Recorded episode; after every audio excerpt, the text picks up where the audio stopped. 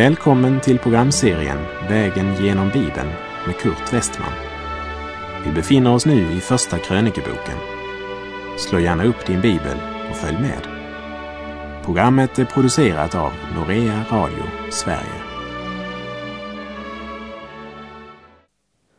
Ja, vi har nu kommit till Första krönikerbokens tionde kapitel. Och därmed kommer vi att upptäcka den skiljelinje som Gud drar mellan Samuelsböckerna och Konungaböckerna å ena sidan och krönikerböckerna å andra sidan. I Samuelsböckerna talas en hel del om kung Saul. Ja, hela hans historia finns faktiskt återgiven där. När vi nu kommer till Första krönikerboken och där får se saken från Guds perspektiv, från altaret, då finner vi bara ett kapitel om Saul. Resten av krönikerboken talar om David och det sträcker sig ett stycke ut i Andra krönikerbok med historien om Davids familj. Det är David som är temat i Första krönikerbok, inte Saul. Sett från mänskligt perspektiv så spelade Saul en mycket viktig roll och hade en betydelsefull ställning i Israel. En upphöjd man med ära och makt och rikedom. Men eftersom Första krönikerbok sammanfattar hela Sauls liv i ett enda kapitel så förstår vi att sett från altaret så var Saul inte så betydelsefull. Från Guds sida ser alltså saken helt annorlunda ut. Vad är huvudtemat i kapitel 10? Beskriver Gud några viktiga saker som Saul utförde? Nej. Gärningar gör inte en människa till en Guds tjänare. Kapitlet handlar inte om Sauls insats men om hans död och hur han dödades. Och jag tror att Saul är inte den enda personen i historien som mänskligt sett hade en upphöjd och viktig tjänst men som ändå ges nog så lite spaltutrymme i de himmelska böcker. Men Saul är verkligen ett exempel på att bakom fasaden av jordisk makt och rikedom kan det dölja sig en andlig fattigdom. Saul var mannen som var redo att sälja sitt hjärta om han bara kunde behålla masken, rädda fasaden. David var inte utan synd, men han var en som hellre förlorade ansiktet än hjärtat. Han vände om och fick förlåtelse och blev återupprättad. Som vi minns från vår vandring genom Samuelsböckerna så försökte vi fastställa vem som hade dödat Saul. Vem var det som mördade honom? Eller eh, begick han självmord? Det som Samuelsboken berättade, det var i kort sammandrag följande. Saul blev allvarligt skadad i striden mot filisterna. Så bad han sin vapendragare att dra ut sitt svärd och genomborra honom, som han sa, så att jag inte blir dödad av dessa oomskurna. Men hans vapendragare, han var rädd och ville inte det. Och då tog Saul själv svärdet och störtade sig på det. Men så är frågan, var Saul verkligen i stånd att ta sitt eget liv så skadad som han var? Det har alltid varit frågan. Men så kommer en ung amalekit och berättar för David att när han kom till slagfältet, då levde Saul fortfarande. Och Saul bad honom att ta hans liv. Och amalekiten påstod att han hade dödat kung Saul och han hade med sig diademet som suttit på kung Sauls huvud och ett armband som Saul haft på sin arm och det bar amalekiten fram inför David för att på det sättet bevisa att det var sant, det han sagt. Då befallde kung David att Amalekiten skulle dödas och han sa till honom, som det står i Andra Samuelsboken 1.16, må ditt blod komma över ditt huvud, ty din egen mun har vittnat mot dig när du sade, jag har dödat Herrens smorde. Och vi läser i Första krönikerbok 10, vers 1 till och med 3. Och filisterna stred mot Israel. Och Israels män flydde för filisterna och föll slagna på Gilboa berg. Och filisterna ansatte ivrigt Saul och hans söner. Och filisterna dödade Jonatan, Abinadab och Malkisua, Sauls söner. När då Saul själv blev häftigt anfallen och bågskyttarna kom över honom greps han av förskräckelse för skyttarna. Både i norsk bibels översättning och i den engelska King James så står det i vers 3 att bågskyttarna träffade Saul. Han blev sårad allvarligt av filisternas bågskyttar, men han dog inte på grund av den skadan. Vi läser vidare vers 4 till och med 7. Och Saul sade till sin vapendragare, dra ut ditt svärd och genomborra mig med det, så att inte dessa oomskurna kommer och hanterar mig skamligt. Men hans vapendragare ville inte det, ty han var mycket rädd. Då tog Saul själv svärdet och störtade sig på det. Men när vapendragaren såg att Saul var död störtade han sig också på sitt svärd och dog. Så dog då Saul och hans tre söner. Alla som tillhörde hans hus dog på samma gång. Och när alla israeliterna i dalen fick veta att deras här hade flytt och att Saul och hans söner var döda övergav de sina städer och flydde. Sedan kom filisterna och bosatte sig i dem. Utifrån det här referatet så kan vi säga att troligen var Saul död när amalekiten anlände. Amalekiten visste att David och Saul hade varit fiender.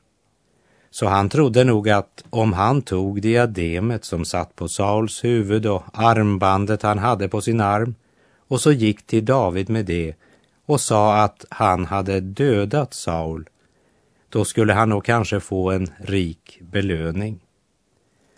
Amalekiten såg sin chans till lättvunnen ära och rikedom.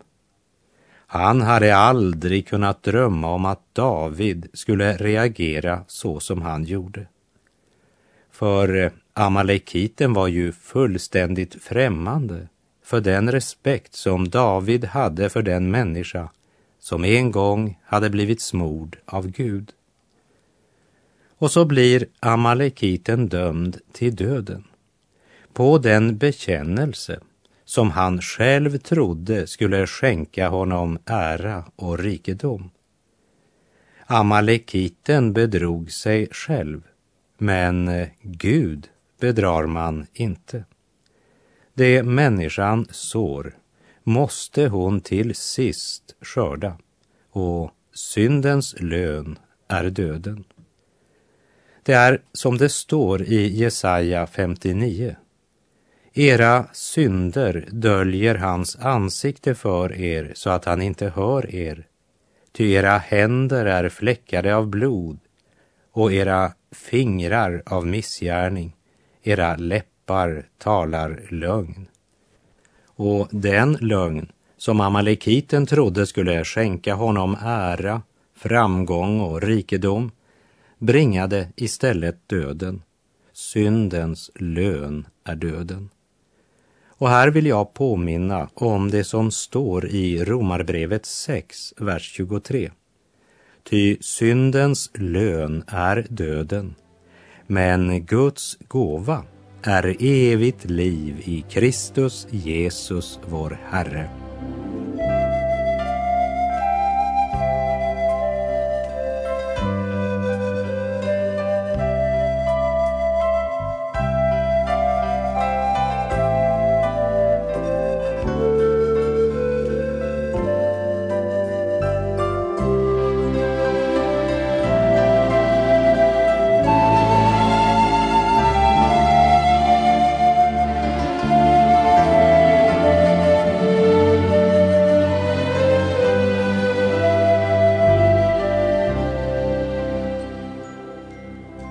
Första krönikerbok kapitel 10, vers 8 till och med 10.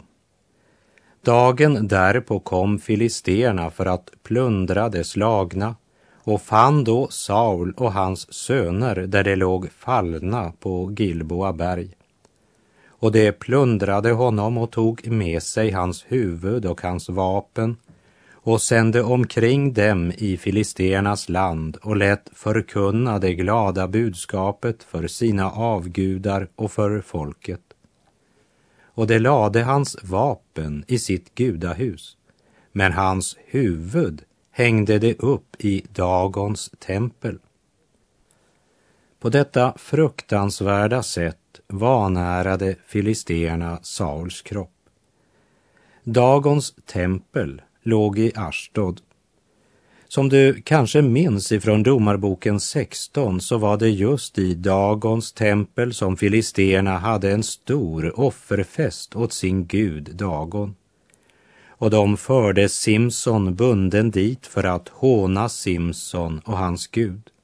Och huset var fullt med män och kvinnor och filisternas alla hövdingar var där och på taket var det omkring 3000 män och kvinnor som såg hur man drev gäck med Simson.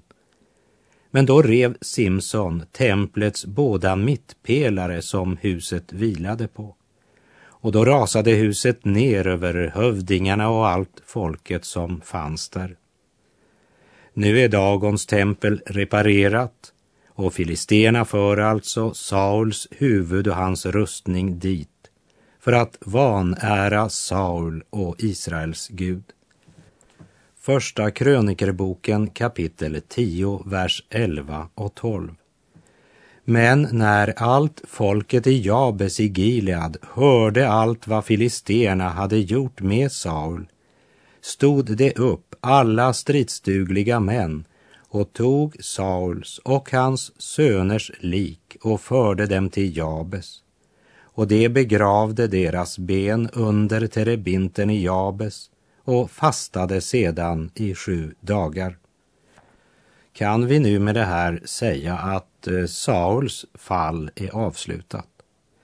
Nej, vi har eh, ännu inte fått stadfäst vem som verkligen dödade Saul. Men de sista verserna i kapitel 10 kommer att ge oss den information som vi har väntat på. Och då tänker jag på vad första krönikeboken här vittnar om Sauls liv och död. Vers 13 och 14. Detta blev Sauls död därför att han hade övat otrohet mot Herren genom att han inte hade hållit Herrens ord likaså därför att han hade frågat en ande och sökt svar hos en sådan. Han hade inte sökt svar hos Herren. Därför dödade Herren honom. Och sedan överflyttade han kungadömet på David, Isais son. Vem var det nu som dödade Saul? Här läste vi att Saul dog därför att han inte höll sig efter Herrens ord och därför att han sökt svar hos en ande. Därför dödade Herren honom. I Jobb kapitel 1, vers 21 står det Herren gav och Herren tog. Lovat vare Herrens namn.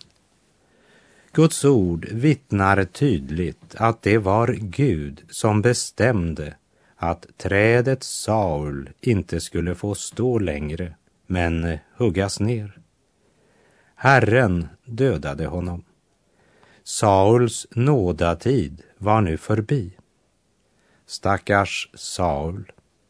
Han förfelade sin tid. Han bedrog sig. Men Gud bedrar man inte. Tänk om människorna i vår tid ville tänka på det innan det blev för sent. Guds ord säger klart att det var Gud som klippte Sauls livstråd. även om det mänskligt sett kunde se ut som det var filisterna. Men i verkligheten så var det Gud som hade bestämt att för Sauls del så var tiden ute, som det står i Uppenbarelseboken 10.6. Och det var Herren som dödade honom. Önskar du att anklaga Gud för det? Kan Gud arresteras för mord?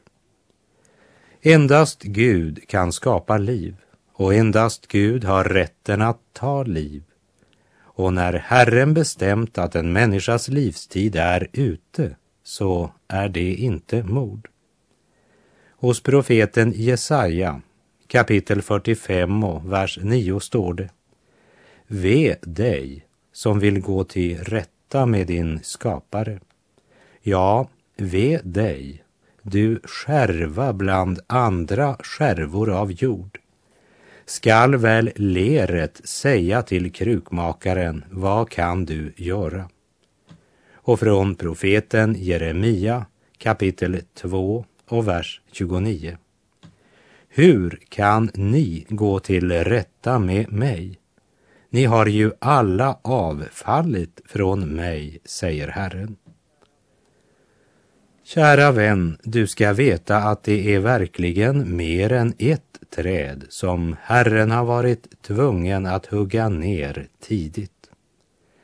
Men utifrån det så må inte du dra den slutsatsen att alla som dör i ung ålder dör därför att de förbrutit sig mera mot Gud än andra. För i Hebreerbrevets elfte kapitel är det ju sanna troende det talas om när det står om dem som blev dödade med svärd och andra som led brist och blev plågade och misshandlade just därför att de levde ett rättfärdigt liv och frimodigt vittnade om sin Gud.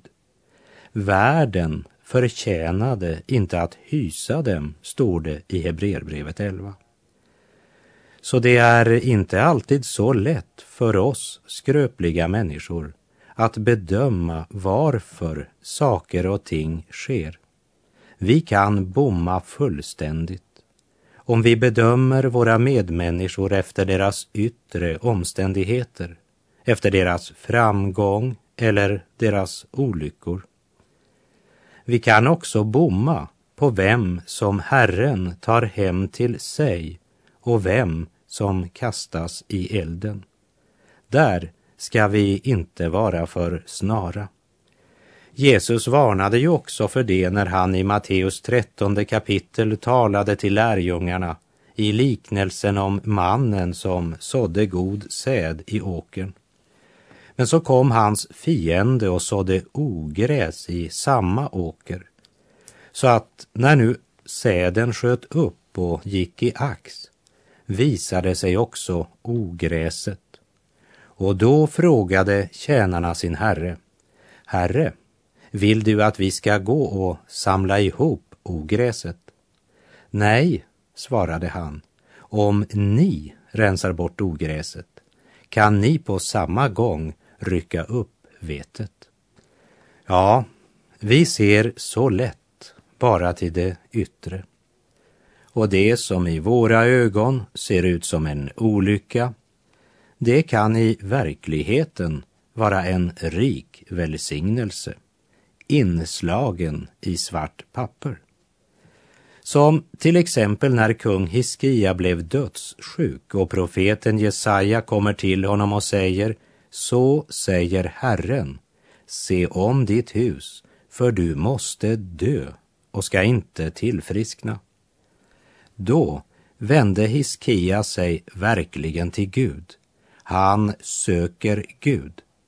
Och när han hade tillfrisknat från sin sjukdom så säger han, som det står i Jesaja 38, vers 17. Se, till mitt bästa kom denna bittra bedrövelse över mig. I din kärlek räddade du min själ från förintelsens grop. genom att du kastade alla mina synder bakom din rygg.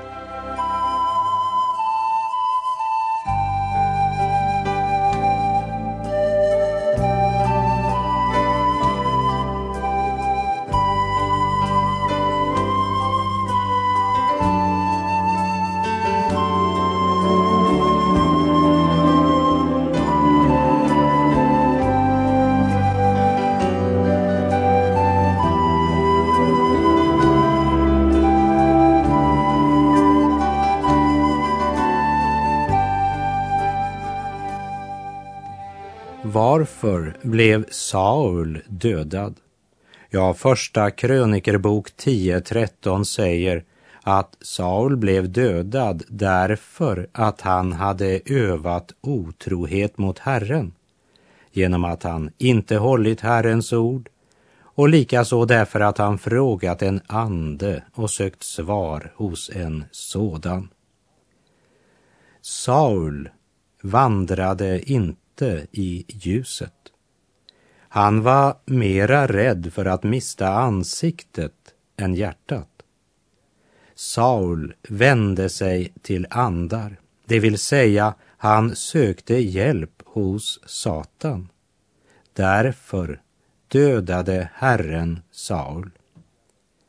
I det nya testamentet minns vi kanske från vår vandring genom Apostlagärningarnas femte kapitel att Gud där tog två makars liv, Ananias och Safira. Jag vet att det finns många förtolkare som givit Petrus äran eller skulden för det. Men jag tror att Simon Petrus var den som var mest överraskad den dagen. Det var Gud som var ansvarig för Ananias och Safiras död. Och Saul dog på grund av sina överträdelser och sin ringaktan för Gud och för hans heliga vilja. Han höll inte Herrens ord. Jag har faktiskt levt så pass länge att jag kan se tillbaka och konstatera att Gud många gånger tar en man eller en kvinna avsides för en tid, tar ut dem ur tjänsten, tar dem bort från ett kontor eller en position. Gud griper in i människans vardag. Det ska vara säkert. Gud är på tronen ännu, som vi ofta sjöng i Norge. Gud har inte abdikerat. Universet tillhör honom och han styr det som han vill. Och om han hugger ner ett träd så är det hans sak, inte din eller min. Han ska inte avlägga räkenskap för oss. Det är vi som ska avlägga räkenskap inför Gud. Hebreerbrevet 9.27 säger att det är bestämt om människan att hon en gång skall dö och sedan dömas. Därför borde vi dagligen fråga oss, vem är det vi lyssnar till? Kan du höra Guds stämma? Eller är det människors meningar du lyssnar till? Kanske till och med till Satans röst? Det är det som är synden som får Gud att gripa in i våra liv. Första krönikerbokens tionde kapitel är ett mäktigt och ett viktigt kapitel präglat av livets och dödens allvar en vind ifrån evighetens värld som verkligen lägger allvaret och ansvaret med att vara människa in över oss med tyngd. Det är som om Gud genom det här kapitlet ropar till oss och säger Hör detta du människa som så sorglöst vandrar på denna dödens jord. Om synden idag är lätt som en liten fjäder på ditt samvete, så glöm inte att redan i morgon kan den trycka dig med evighetens tyngd. Min vän, lyssna till den norska sången O syndare, var har du din tillflykt?